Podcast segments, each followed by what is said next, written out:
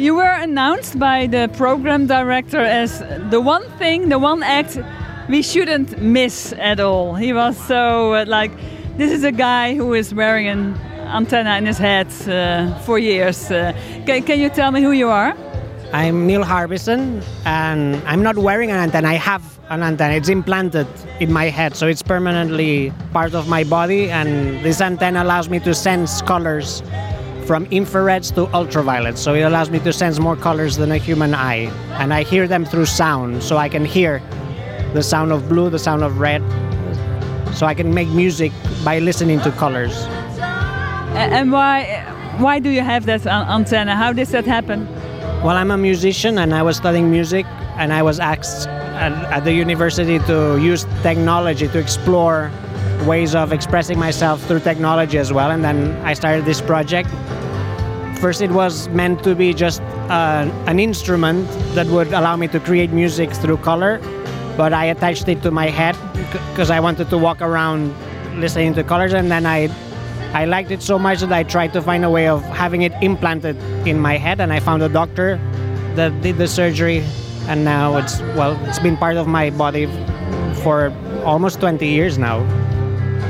And what what what kind of sound does red make?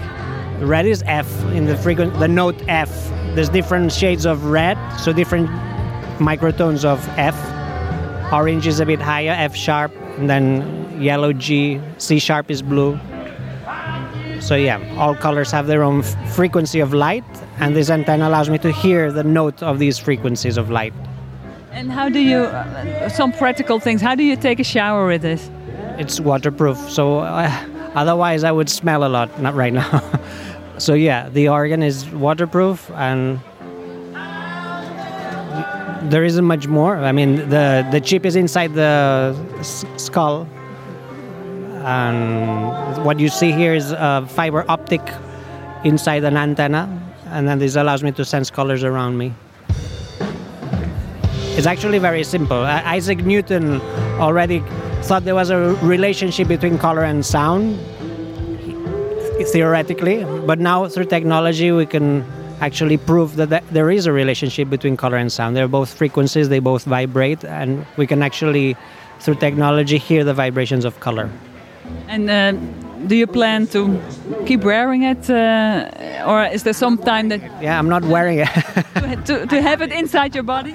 it's an organ. If I want to remove it, I would have to have surgery. So, so yeah, it's not a wearable. It's a body part. It's an organ, and I consider myself a cyborg because I feel that I am a cybernetic organism, and I have no plans in removing it. No.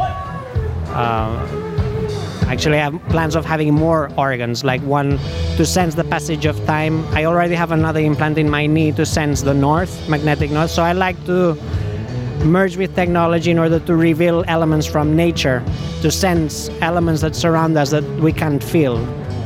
In my case, it's I'm also colorblind, so in my case, color is is something invisible but the antenna allows us to sense infrareds and ultraviolets, which are invisible to everyone. But then sensing north is something also that we can sense through our organic senses. Um, and then the passage of time is also something I'm working on, sensing the rotation of the planet as a body part around the head. Well, thank you so much. Enjoy your evening. thank you.